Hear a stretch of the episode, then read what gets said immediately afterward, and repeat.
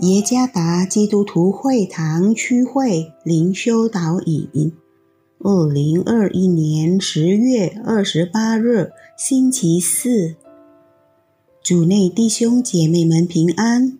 今天的灵修导引，我们要借着圣经阿摩斯书第六章第八节来思想今天的主题：谦卑不是狂傲。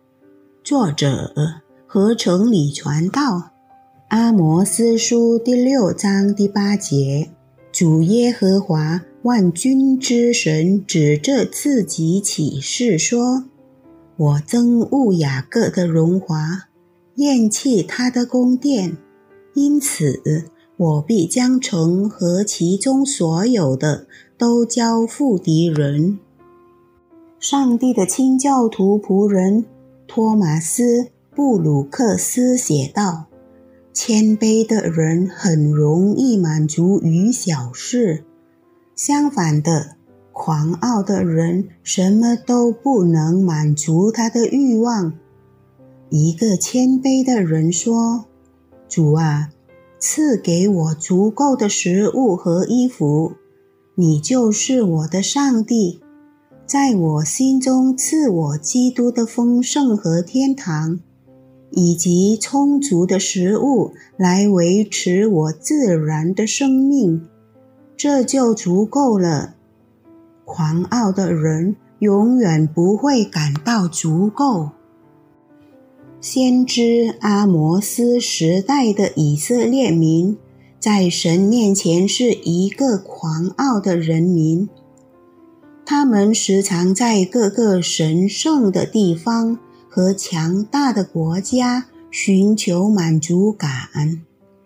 西安是耶路撒冷地区神殿所在的山丘，是犹太人的敬拜地方；而撒玛利亚山是以色列人的敬拜地方。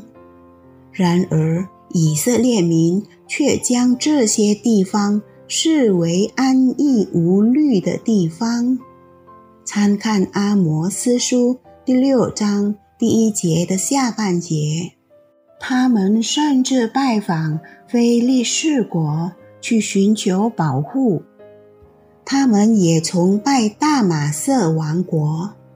参看阿摩斯书第五章二十七节。他们认为这个王国是一个超级大国，可以给予他们保护。他们更多的将自己的生命交托在世界上暴力统治者的手中，而不是交托在仁慈的上帝手中。他们的态度和行为伤透了上帝的心。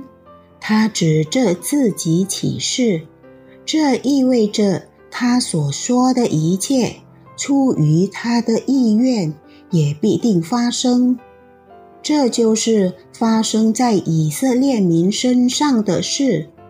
上帝憎恶他们的狂傲，因这是他眼中看为可恶的事。上帝把这国。交付于亚述国来征服和掳掠，整座城市及其内的都被摧毁了。第八节，上帝的话应验了，他们的献祭和供物都不能使他们逃脱上帝的惩罚。其实，上帝希望他们。按照他国度的价值观，也就是以谦卑的心来敬拜他。我们可以向某些我们认为有权势、富有、了不起、强壮、地位高的人寻求保护。我们可以透过顺耳的教义为自己寻求满足，为我们生活中的问题提供解决方案。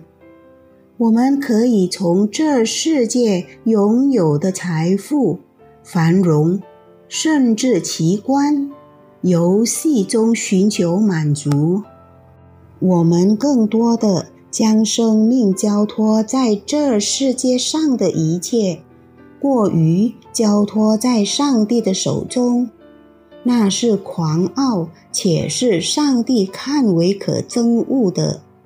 悔改吧，上帝要我们谦卑的敬拜他，这只能透过谦卑的基督住在我们里面。